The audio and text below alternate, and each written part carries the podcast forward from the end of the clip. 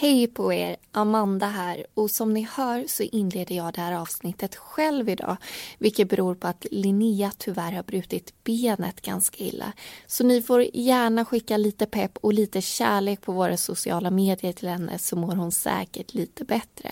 Och innan vi drar igång så vill vi passa på att skicka lite kärlek till Bookbeat som är den här veckans sponsor. Bookbeat är Bonniers prenumerationstjänst för ljud och e-böcker i mobilen. Man kan säga att det är ungefär som Spotify fast för ljudböcker.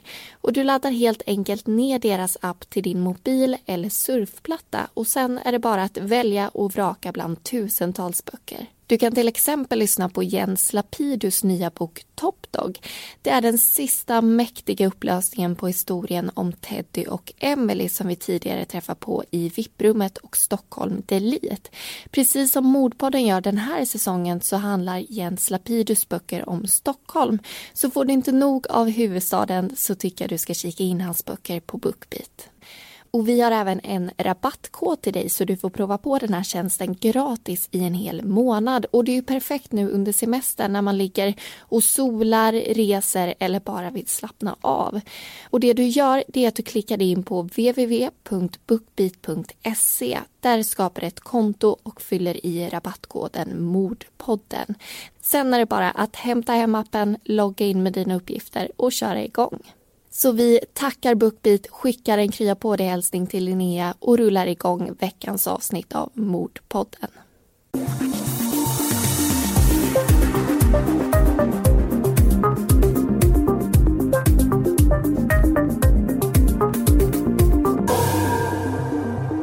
Den 15 december 1998 dyker mönstereleven Lonela inte upp på sin lektion. Hon har tidigare inte missat en enda sekund av skolan men är nu spårlöst försvunnen utan att någon vet vart hon tagit vägen. Det visar sig att hon tagit sitt pick och pack och åkt till Budapest. Grannarna hade sett henne åka iväg i taxi men reagerat på att hon inte vänt sig om för att vinka hej då till sin make. Något hon annars alltid gör. Men maken var inte i lägenheten.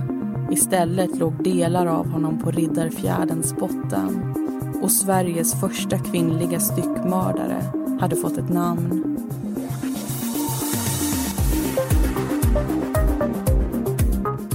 Du lyssnar på Mordpodden, en podcast om den mörka verkligheten. I veckans avsnitt berättar vi om styckmörderskan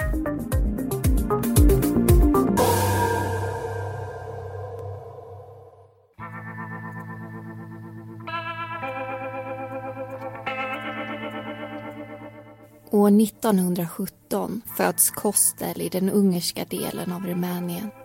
I vuxen ålder gifter han sig med en rumänsk kvinna och de får tillsammans sonen Marcel. 1969 flyttar Marcel till Sverige och ungefär 15 år senare bosätter sig även föräldrarna i Stockholmsförorten Högdalen. 1993 vänds tillvaron upp och ner.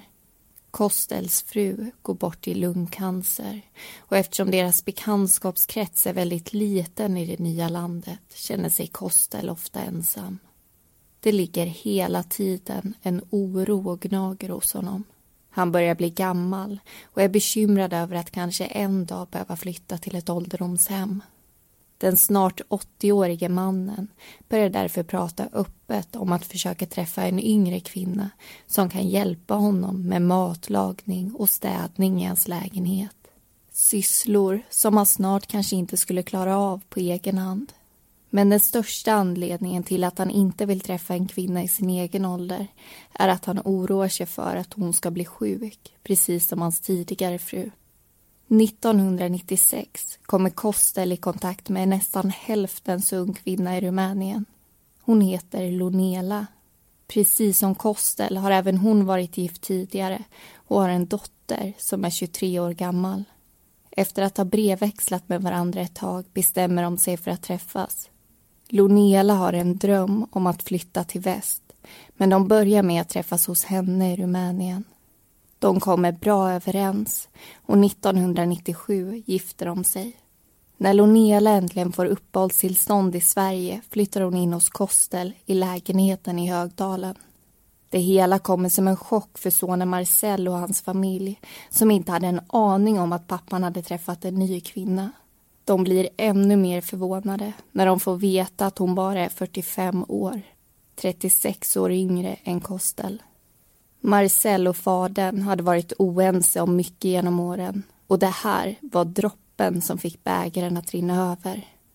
De förlorar nästan kontakten helt. Det är måndagen den 30 november 1998. Klockan börjar närma sig midnatt. Två män promenerar längs Söder Mälarstrand i närheten av Slussen. De ser någonting som ligger och flyter i vattnet. Till en början tror de att det är en boj. Men de kikar närmare. Det är ingen boj. Det är en del av en människokropp i vattnet. De promenerande männen larmar polis och brandkår som anländer till platsen 20 minuter efter upptäckten. Räddningstjänstens dykare bärgar upp en människobål ur vattnet. Det blir starten på en utredning som ska pågå i tio månader. Eftersom utredningsgruppen inte har en hel kropp att utgå från utan bara en bål så har de svårt att identifiera offret. Det rättsläkaren kan säga är att bålen tillhör en äldre man i 60 80 åldern som förmodligen led av vissa sjukdomar. Informationen förvånar polisen. Det är inte speciellt vanligt med styckmordsoffer i den ålderskategorin.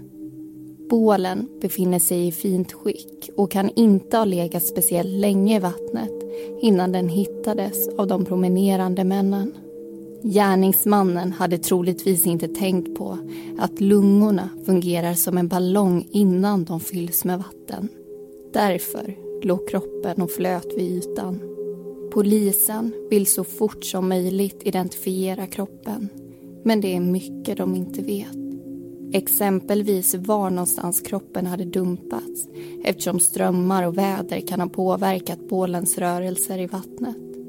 Förmodligen hade den dumpats i Riddarfjärden i närheten av Söder Mälarstrand. De vet inte heller i vilka människokretsar de ska börja leta. Var offret kriminell? Missbrukare? Pedofil? Uteliggare? Eller kanske inget av det? Trots alla frågetecken är de tvungna att sätta igång för att förhoppningsvis räta ut några av dem. Polisen tar därför kontakt med Stockholms innerstads socialdistrikt för att höra om någon äldre man är försvunnen eller saknad. De påbörjar också dörrknackning vid de båtar som ligger förtöjda i närheten av Söder Mälarstrand. Dessutom vänder de sig genast till medierna och delar med sig av så mycket information som möjligt. Tipsen strömmar in på en gång. Polisen får fullt upp med att kontrollera och bearbeta all information men hoppas att de hittar guldkornet i högen som kan hjälpa dem framåt i utredningen. Under dörrknackningen berättar en boende i en av båtarna att han hade sett ett köttliknande paket flyta omkring i vattnet en bit utanför hans båt den 29 november på förmiddagen. Mannen hade reagerat eftersom det var så mycket fiskmåsar som rörde sig i närheten av det. Ett liknande paket hade iakttagits av ett par anläggningsarbetare nio dagar tidigare. De noterade att det låg och flöt ungefär sju meter från kajkanten mellan två båtar. En av dem skämtade och sa att det säkert ligger ett lik där ute och guppar. Ett skämt som skulle visa sig inte vara det minsta roligt. Det var ju faktiskt sant. Två dagar efter att bålen hittats görs fynd nummer två. Det är en person som bor i en av båtarna vid Söder Mälarstrand som gör upptäckten. Han ser någonting som ligger och flyter vid hans båt. Han fiskar upp föremålet och upptäcker till sin förfäran att det är ett tunntarmspaket. När polisen knackar på hans dörr visar han vad han hittat. Rättsläkaren konstaterar att både bålen och tarmpaketet kommer från samma person. Det innebär att det troligtvis finns fler kroppsdelar i vattnet. De blir förvånade över att någon vågar slänga likdelar i Stockholms citys vattendrag. Utredningsarbetet fortsätter och den 8 december kommer äntligen genombrottet. Det är dykarna som gör upptäckten. Nedanför kajkanten, mitt på Söder Mälarstrand hittar de både opaketerade kroppsdelar och några som ligger i avfallspåsar. Både huvud och händer anträffas vilket självklart underlättar enormt mycket i arbetet av identifieringen. Polisen försöker genast få fram fingeravtrycken men de får tyvärr ingen matchning i fingeravtrycksregistret. Det gäller därför att tänka i nya banor. Ett foto på huvudet som visar sig vara värmepåverkat skickas till länskriminalen som både har kompetens och utrustning för att datorbearbeta fotografier. Trots att huvudet är svårt bränt lyckas man med hjälp av ett dataprogram återskapa en bild som godkänns för publicering i massmedierna. Det dröjer inte länge för en tips om vem mannen kan vara börjar strömma in till stationen. Bland annat ringer Ryan Reynolds here from Mint Mobile. With the price of just about everything going up during inflation, we thought we'd bring our prices down. So to help us, we brought in a reverse auctioneer, which is apparently a thing. Mint Mobile unlimited premium wireless. Ready to get 30, 30, bit to get 30, bit to get 20, 20, 20, bit to get 20, 20, bit to get 15, 15, 15, 15 just 15 bucks a month. So, Give it a try at mintmobile.com/switch. slash $45 up front for 3 months plus taxes and fees. Promo rate for new customers for limited time. Unlimited more than 40 gigabytes per month slows. Full terms at mintmobile.com. en man och berättar att hans familj inte hade haft kontakt med hans pappa på länge. Han presenterar sig som Marcel och tycker fantombilden påminner om fadern. När han lämnar uppgifter om den försvunna mannen stämmer alla detaljer överens med det som rättsläkaren fastställt om liket. Någonting säger utredarna att det är det här tipset de väntat på. Tandjournalen för Marcells far hämtas in en timme efter telefonsamtalet och efter ytterligare ett par timmar konstateras det att det är samma man det handlar om. De har tack vare telefonsamtalet lyckats identifiera kroppen.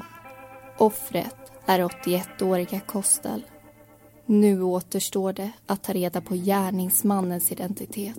Vem kan ha utfört det här brutala mordet på den gamle mannen?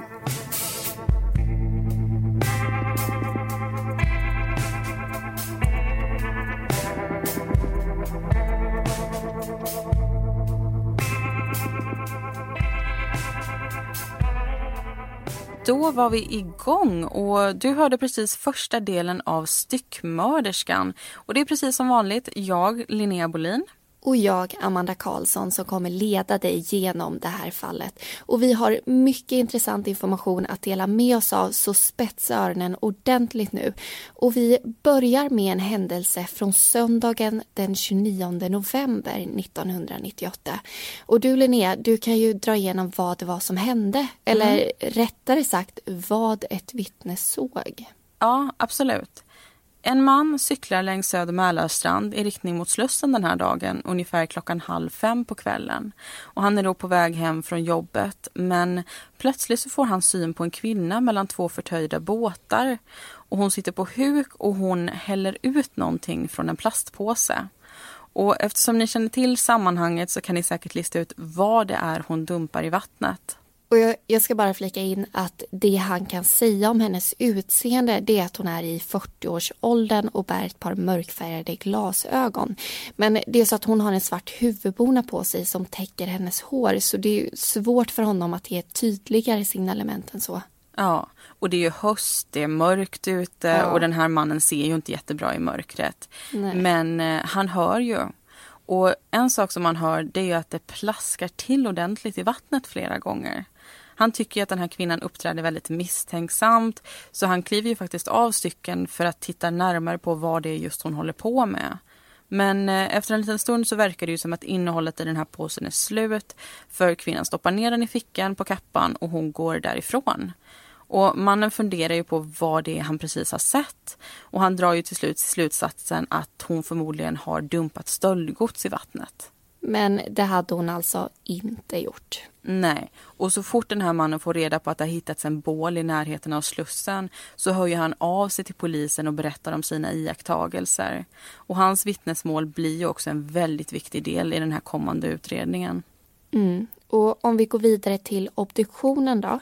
Och det här det är väldigt obehaglig information. Så om du är det minsta känslig så bör du spola fram en minut från och med nu. För den här kroppen som hittas är alltså styckad i 13 delar. Och det som jag reagerar starkast på och säkert inte är ensam, ensam om det är ju det här huvudet då som hittas för det är sönderbränt. Och inte ens rättsläkaren kan förstå varför det har utsatts för värmepåverkan. Ja, det skapar ju verkligen grafiska bilder i huvudet av de här mm. beskrivningarna. Men eh, man kan ju också konstatera att det inte är styckningen som har lett fram till döden. Kostel var ju alltså död redan innan. Och I mannens ryggslut så upptäcks ju skador som har orsakats av trubbigt våld. Man kan också se att tre stycken revben är brutna. Och utöver det så har han ju underhudsblödningar i ansiktet och på huvudet. Och halsen har utsatts för massivt våld, troligtvis med hjälp av ett vasst föremål. Och något som jag tycker är väldigt intressant det är att rättsläkaren drar slutsatsen att personen som utfört styckningen förmodligen har ingående kunskaper i obduktionsteknik, anatomi och styckning. Den visste helt enkelt vad den höll på med och den slutsatsen gjorde att polisen ringade in en ganska snäv krets av potentiella gärningsmän. Men rättsläkaren ändrar sen sitt uttalande. Ja, det gör han. Och han menar ju då att även lekmän eller personer som är vana vid köksarbete också skulle kunna matcha den här gärningsmannaprofilen. Och den här förändringen innebar ju helt plötsligt att gärningsmannen skulle kunna vara i stort sett vem som helst så länge den tillbringade mycket tid i köket. Och sist men inte minst så ska vi prata om Lonela och hennes skolgång. Lonela är alltså Kostels fru och för henne var det viktigt att komma in i det här nya och främmande samhället och för att göra det så började hon studera svenska. Och hon är verkligen en mönsterelev ut i fingerspetsarna. Hon kommer alltid i tid, hon närvarar på varenda lektion och har en fantastisk studieteknik. Däremot så är det något med hennes beteende som förbryllar både lärare och elever. Mm. Man kan väl säga att hon är lite av en ensamvarg. Hon verkar inte speciellt intresserad av att skaffa sig vänner bland klasskamraterna men däremot så är hon ju väldigt mån om att komma nära sina manliga lärare. Lite för nära kanske. För hon är både påträngande och hon är uppvaktande.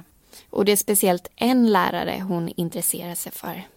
Ja, hon dröjer sig gärna kvar efter just hans lektioner. Hon bjuder på godis och hon ringer hem till honom. Och det här märker ju Lonelas klasskamrater som tycker att det är väldigt märkligt och det är opassande. Ja, det håller jag verkligen med om får jag säga. Och hon är ju dessutom gift får vi inte glömma, vilket gör mm. det här såklart ännu konstigare än vad det redan är. Men nu tycker jag att vi hoppar tillbaka till berättelsen och passande nog ska vi faktiskt föra mer om Lonelas skola.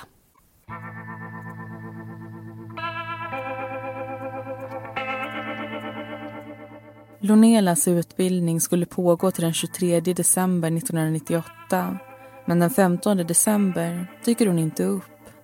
Med tanke på att hon inte missat en sekund av en enda lektion tidigare reagerar därför många på att hon är borta.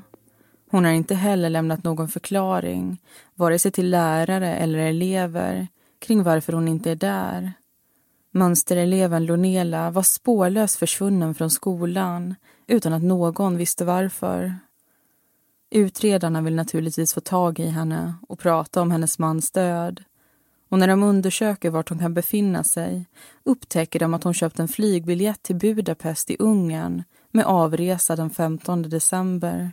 Polisen pratar också med en granne i bostadsområdet som berättar att Lonela kommit hem ensam i en taxi den dagen hon enligt biljetten skulle resa. Chauffören hade då hjälpt henne bära ner flera olika väskor till bilen men det var framför allt en sak som grannen hade lagt märke till. Lonela hade inte vänt sig om och vinkat hej då till sin man innan hon åkte iväg i taxin. Någonting hon annars alltid brukar göra när hon lämnar hemmet. Utredarna upptäcker också att Lonela hade haft ett bagage med över 70 kilos övervikt. Hon hade försökt betala den med bland annat guldföremål men det kostade henne till slut 3 000 kronor. Polisen bestämmer sig för att undersöka Kostel Solonelas lägenhet i Stockholm. Den är låst, men det är inga svårigheter att komma in eftersom nyckeln ligger under mattan utanför. När utredarna kliver in i en bostad vet de aldrig vad det är för syn som kommer att möta deras ögon. Ibland kliver de rätt in i den blodiga brottsplatsen. Men den här lägenheten ser ut att vara både städad och i ordning. De flesta av möblerna verkar stå på sina vanliga platser och det finns ingenting som tyder på att något bråk har ägt rum här. Badrummets golv, väggar och porslin glänser. Rummet skulle kunna vara hämtat från en reklamfilm för rengöringsmedel. Men trots att det här inte vid den första anblicken verkar vara mordplatsen så skulle det göras flera intressanta fynd och iakttagelser under perioden som husrannsakan pågick.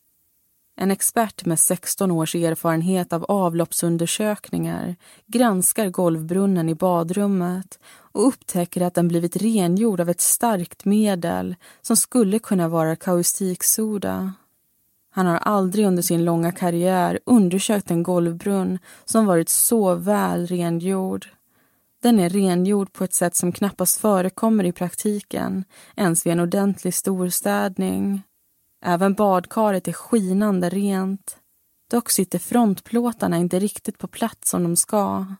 Det verkar som att någon har tagit bort dem för att rengöra karet och sen inte lyckats få tillbaka dem ordentligt. I vardagsrummet reagerar inte teknikerna på något speciellt förutom att någon verkar ha använt rummet som sovplats och flyttat på bord, stolar och en lampa. Sängen i sovrummet är bäddad men vid den högra sänghalvan, där Lonela sover, hittas en broschyr. Den informerar om vart kvinnor som utsätts för våld i hemmet kan söka hjälp. På balkongen står en brun plastkasse. Påsen är lik de från vattnet, både till färgen och formen och verkar komma från samma tillverkare. Köksknivarna tas i beslag och det visar sig att det finns blod på en av dem som kommer från Kostel. Den till synes skinande rena lägenheten hade alltså trots allt mycket att berätta. Och det slutar inte där. Huvudet hade man tidigare konstaterat var bränt. Nu får man också reda på hur det blivit det. det Say hello to a new era of mental health care. Cerebral is here to help you achieve your mental wellness goals with professional therapy and medication management support. 100% online. You'll experience the all new Cerebral Way, an innovative approach to mental wellness designed around you. You'll get a personalized treatment plan from a therapist, prescriber, or both in a safe and judgment free space. Your cerebral therapist or prescriber will outline a customized plan with clear milestones along the way so you can get to feeling your best. With Cerebral, you're not alone in your mental health journey. We're here to empower you to live a fulfilling life. So take that first step towards a brighter future and sign up today at cerebral.com slash podcast and use code ACasts to get 15% off your first month. Offer only valid on monthly plans. Other exclusions may apply. Offer ends July 31st, 2024. See site for details. Hey, I'm Ryan Reynolds. At Mint Mobile, we like to do the opposite of what Big Wireless does. They charge you a lot we charge you a little. So naturally, when they announced they'd be raising their prices due to inflation, we decided to deflate our prices due to not hating you. That's right. We're cutting the price of Mint Unlimited from $30 a month to just $15 a month. Give it a try at mintmobile.com slash switch. $45 upfront for three months plus taxes and fees. Promote for new customers for limited time. Unlimited more than 40 gigabytes per month. Slows. Full terms at mintmobile.com. ligger hårstrån i lägenhetens ugn Både håret och DNA från en långpanna som hittas i ett skåp bredvid ugnen kommer ifrån offret. Sannolikheten att materialet skulle komma från någon annan än Kostel är så låg som en på en miljon.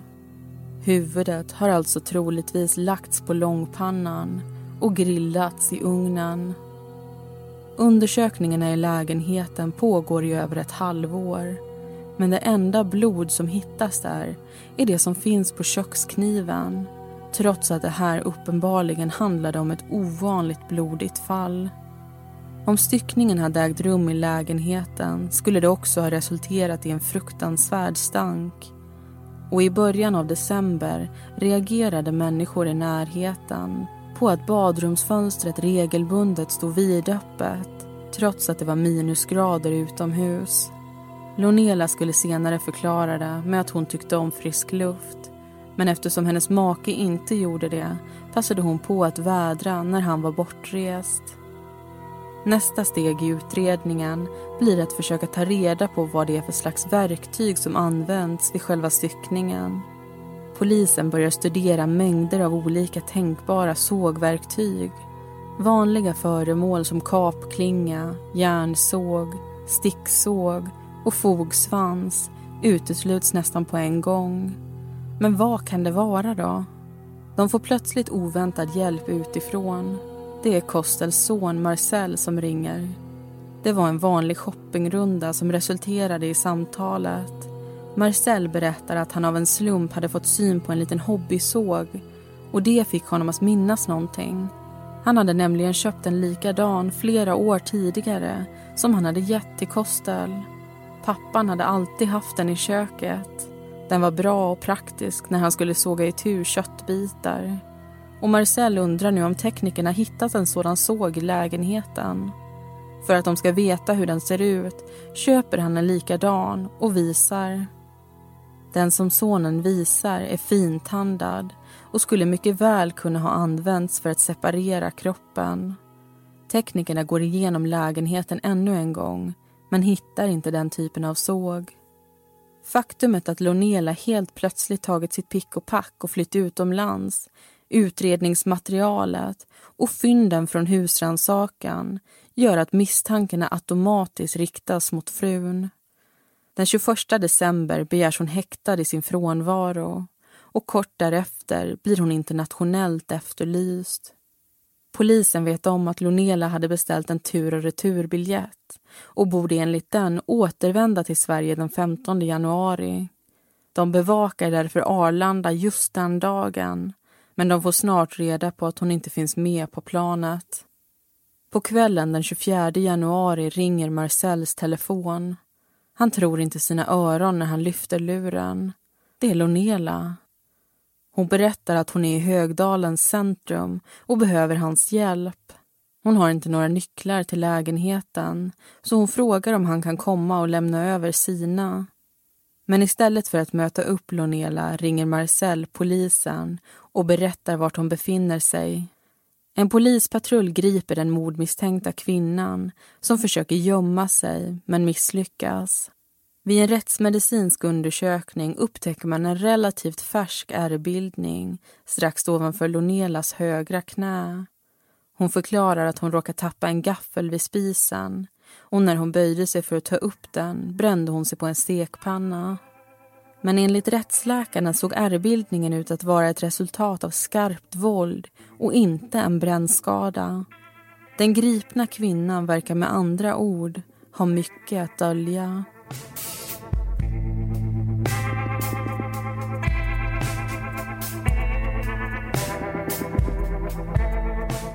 Du lyssnar på Mordpodden. I säsong 4 tar vi upp mord som har skett i Stockholm.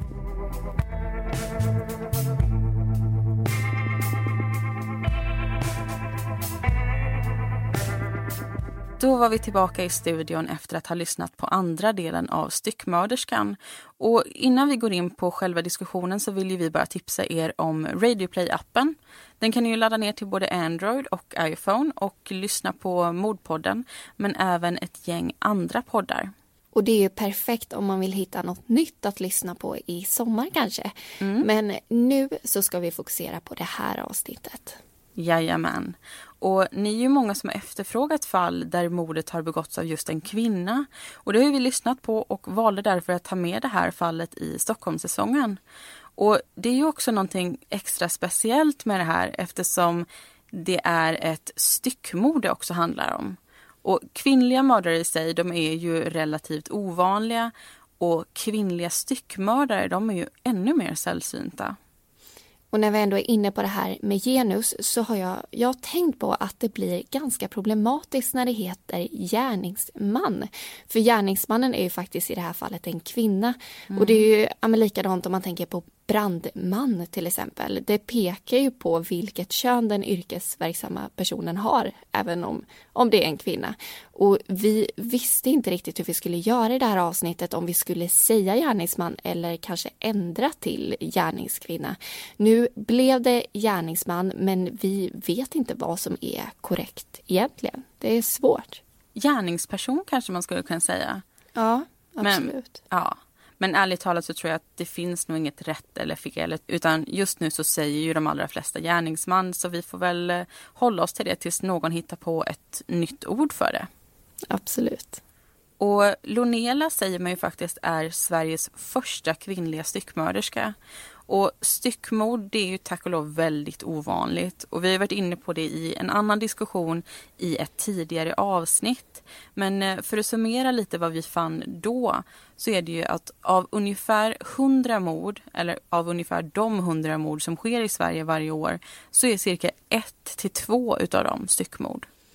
Och det finns också två olika typer av styckmord som vi kan ta upp lite snabbt. En är en defensiv variant där styckningen görs för att kunna bli av med kroppen utan att bli upptäckt. Alltså det har ett praktiskt syfte kan man säga. Mm. Och det är också den vanligaste typen. Men den andra är då en offensiv form där själva styckningen i sig har ett syfte och då handlar det oftast om sadistiska inslag. Och vi har ju tittat lite på det här och skulle väl kunna säga att det tillhör nog mer den offensiva formen med tanke på vad hon gör med huvudet. Ja, det, det här fallet ju, ja. Ja, och det finns ju faktiskt ännu mer makabra detaljer kring styckningen som vi har valt att inte ta upp i avsnittet. Nej. Men när vi ändå är inne på styckningen så uppstod en fråga under utredningen som fick ganska stor fokus. Och vi var inne lite på det här i den förra diskussionen. Men var verkligen Lonela kapabel till att stycka en kropp på det här sättet? För enligt, enligt rättsläkaren så var det ju relativt professionellt gjort det här och hade hon verkligen den kunskapen? Mm. Och Lonelas bekanta från hemlandet de berättar ju att det framförallt för några år sedan var vanligt i Rumänien att husmodern köper hela djur, alltså grisar och lamm till exempel, på stadens marknadsplats. Och djuret slaktas där på plats men husmodern styckar kroppen själv hemma. Och en sån marknadsplats fanns ju i Lonelas hemstad Timisoara men eh, Lonela själv säger att hon aldrig har styckat en djurkropp och hon har inte några kunskaper överhuvudtaget i just styckningsteknik. Och det går såklart av naturliga skäl inte att bevisa om hon är kapabel till att genomföra en styckning på professionell nivå eller inte. Men med tanke på den här informationen från Rumänien som du berättade om nu Linnea, mm. så vore det ju inte konstigt om Lonela antingen i sin barndom eller kanske senare i livet kommit i kontakt med en styckningsprocedur och då fått kunskaper om hur det faktiskt går till. Och det här bevisar ju alltså inte att hon är gärningsmannen men det säger ju att det inte är orimligt att hon skulle kunna ha genomfört styckningen på Kostel. Och en annan fråga som upptog mycket tid och kraft för utredarna var om hon hade kunnat utföra det här mordet och styckningen på egen hand eller om hon hade haft någon medbrottsling. Rättsläkare menade att det inte fanns någonting rent fysiskt som hindrade en kvinna från att göra det här. Och Lonela och Koster de hade ju dessutom levt väldigt ensamt. De hade nästan inga vänner eller bekanta. Och utredarna kom ju därför fram till att det inte fanns något som på något sätt visade att Lonela hade haft en gärningsman. Utan snarare tvärtom. Mm. Och vi tänkte ta upp en lyssnarfråga också. Och den lyder Varför tar ni ibland upp fall som andra poddar redan har gjort? Ja, det finns flera orsaker till det kan vi säga. Eh, för det första så finns det en stor efterfrågan hos många av er lyssnare att ta upp kända och uppmärksammade utredningar. Och det här är ett önskemål som vi såklart också vill tillgodose och de här fallen är vi såklart inte först att rapportera om som ni säkert förstår. Men vi förstår ju också såklart er som tycker att det är mer intressant att höra någonting som ni aldrig har hört om förut. Ja, men att hitta ett intressant fall som ingen tidigare har tagit upp och som det samtidigt finns tillräckligt mycket information om det är ju lättare sagt än gjort. Och vi försöker ju naturligtvis förmedla lite mindre kända fall i varje säsong och tycker själva att vi lyckas ganska bra med det.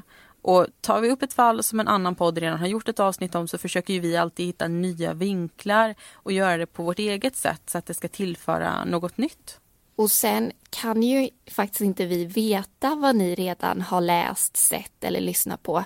För om vi ska ta hänsyn till alla poddar, alla tv-dokumentärer, alla böcker, ja, men då finns inte så mycket kvar att göra och vi kan liksom inte ta ansvar för hela true crime-utbudet utan försöker istället fokusera på att leverera så bra avsnitt som vi kan på vårt sätt.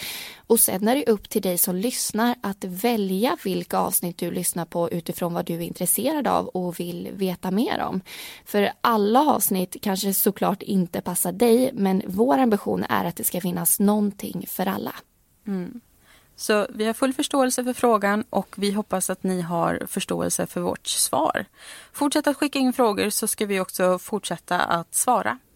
Men eh, nu tycker jag att vi går in på den sista delen av styckmörderskan och eh, polisen har ju alltså gripit Lonela men nu ska vi lyssna till vad hon egentligen har att säga till sitt försvar.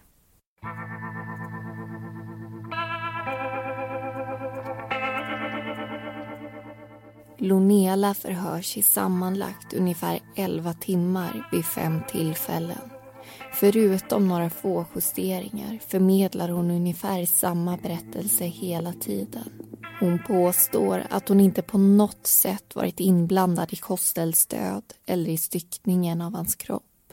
Och hon vet ingenting om hur kroppsdelarna hamnat i Riddarfjärden.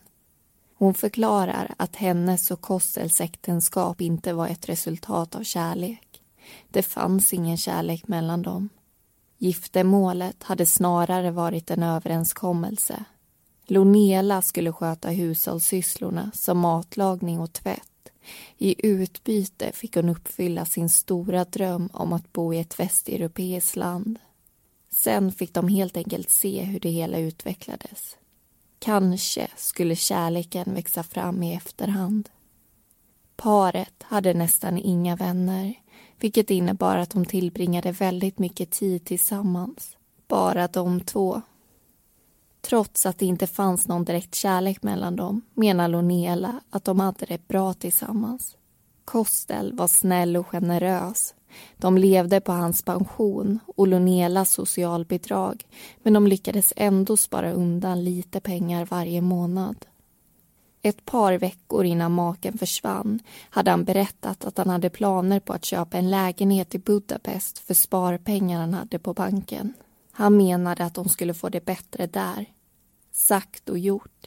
Den 27 november packade han sina väskor och for iväg. Men han kom aldrig tillbaka. Han hade inte lämnat några närmare detaljer om sin resa och Lonela hade inte heller frågat. De hade kommit överens om att han skulle höra av sig till Lonela när han var framme i Budapest. Men det gjorde han inte. När han inte hade hört av sig på en hel vecka började hon bli orolig.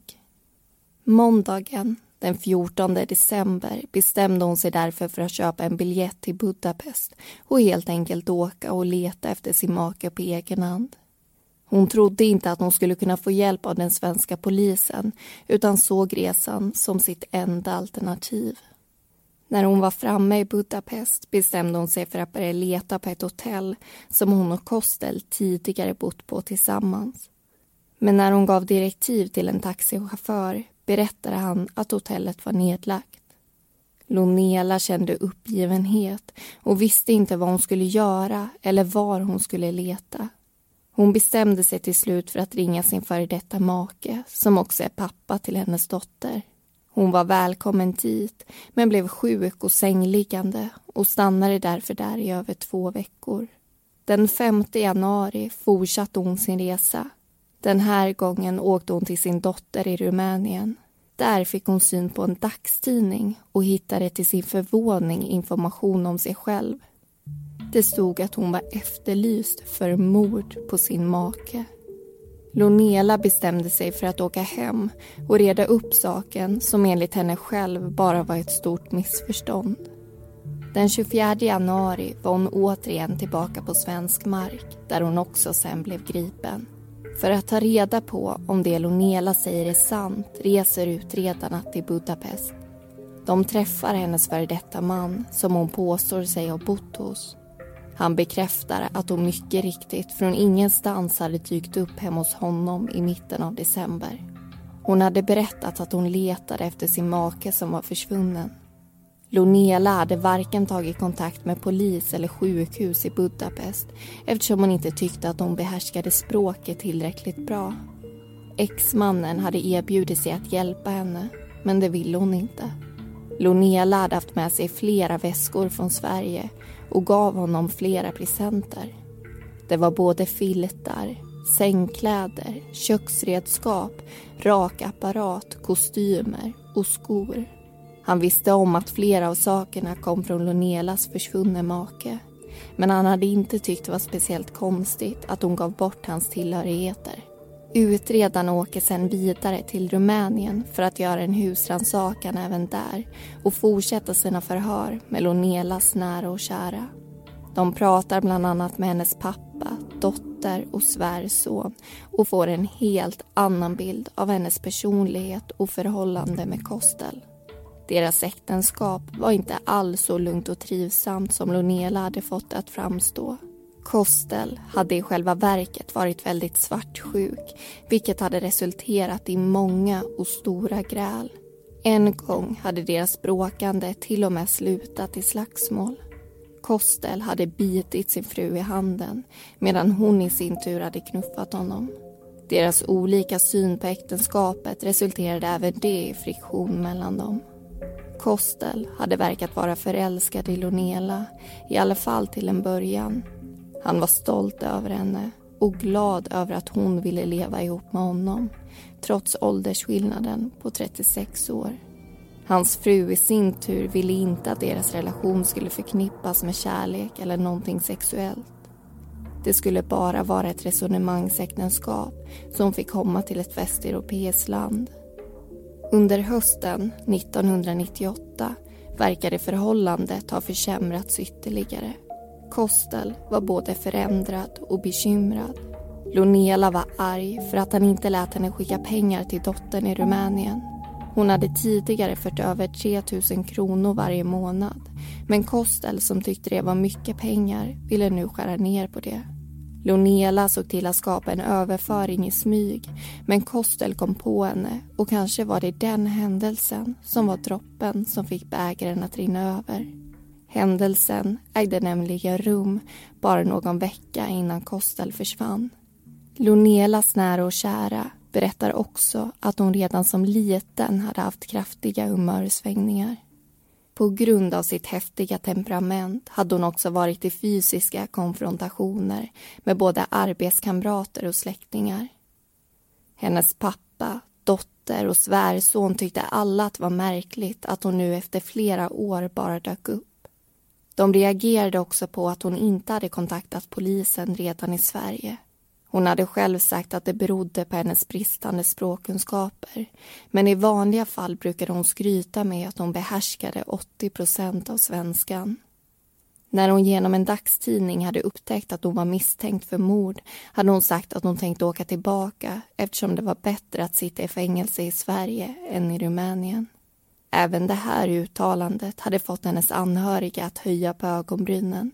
Hennes man var enligt henne själv bara försvunnen och det var inte bara hennes exman som hade fått presenter tillhörande Kostel. Även dottern visar en påse som mamman hade lämnat med diverse olika föremål. När utredaren är tillbaka i Sverige igen sammanfattas bevisningen och förhören i ett förundersökningsprotokoll. Och i slutet av augusti 1999 åtalas Lonela för mordet på sin make Stockholms tingsrätt väljer att inte titta på helhetsbilden utan varje enskilt bevis för sig. Det leder till att Lonela frias. Men domen överklagas till Svea hovrätt som tänker annorlunda. Åklagare menar att alla bevis tillsammans leder i en och samma riktning. Nämligen att Lonela berövat sin make livet i bostaden tömt hans kropp på blod i badkaret och sen styckat hans kropp innan hon sänkte likdelarna i Riddarfjärden som ligger i närheten av hennes skola. Hovrätten tänker likadant. Den 29 mars år 2000 döms därför Lonela till livstidsfängelse för mordet på sin make. Efter avtjänat straff ska hon utvisas ur riket. Lonelas livstidsdom innebär att hon blev Sveriges fjärde livstidsdömda kvinna och Sveriges första kvinnliga styckmörderska i modern tid.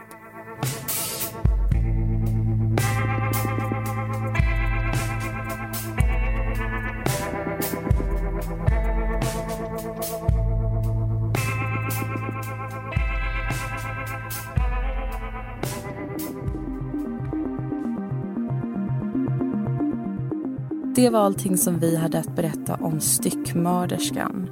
Alla personer i berättelsen heter egentligen något annat och informationen den är hämtad ifrån Veckans brott på SVT, domarna från både tingsrätten och hovrätten och den nordiska kriminalkrönikan från år 2000.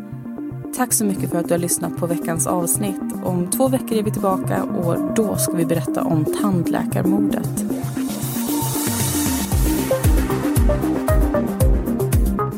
Du har lyssnat på Mordpodden. Vi som har producerat den heter Amanda Karlsson och Linnea Bolin. Bakgrundsmusiken var Lightless Dawn och Soaring av Kevin MacLeod och Deep Space av Audionautics.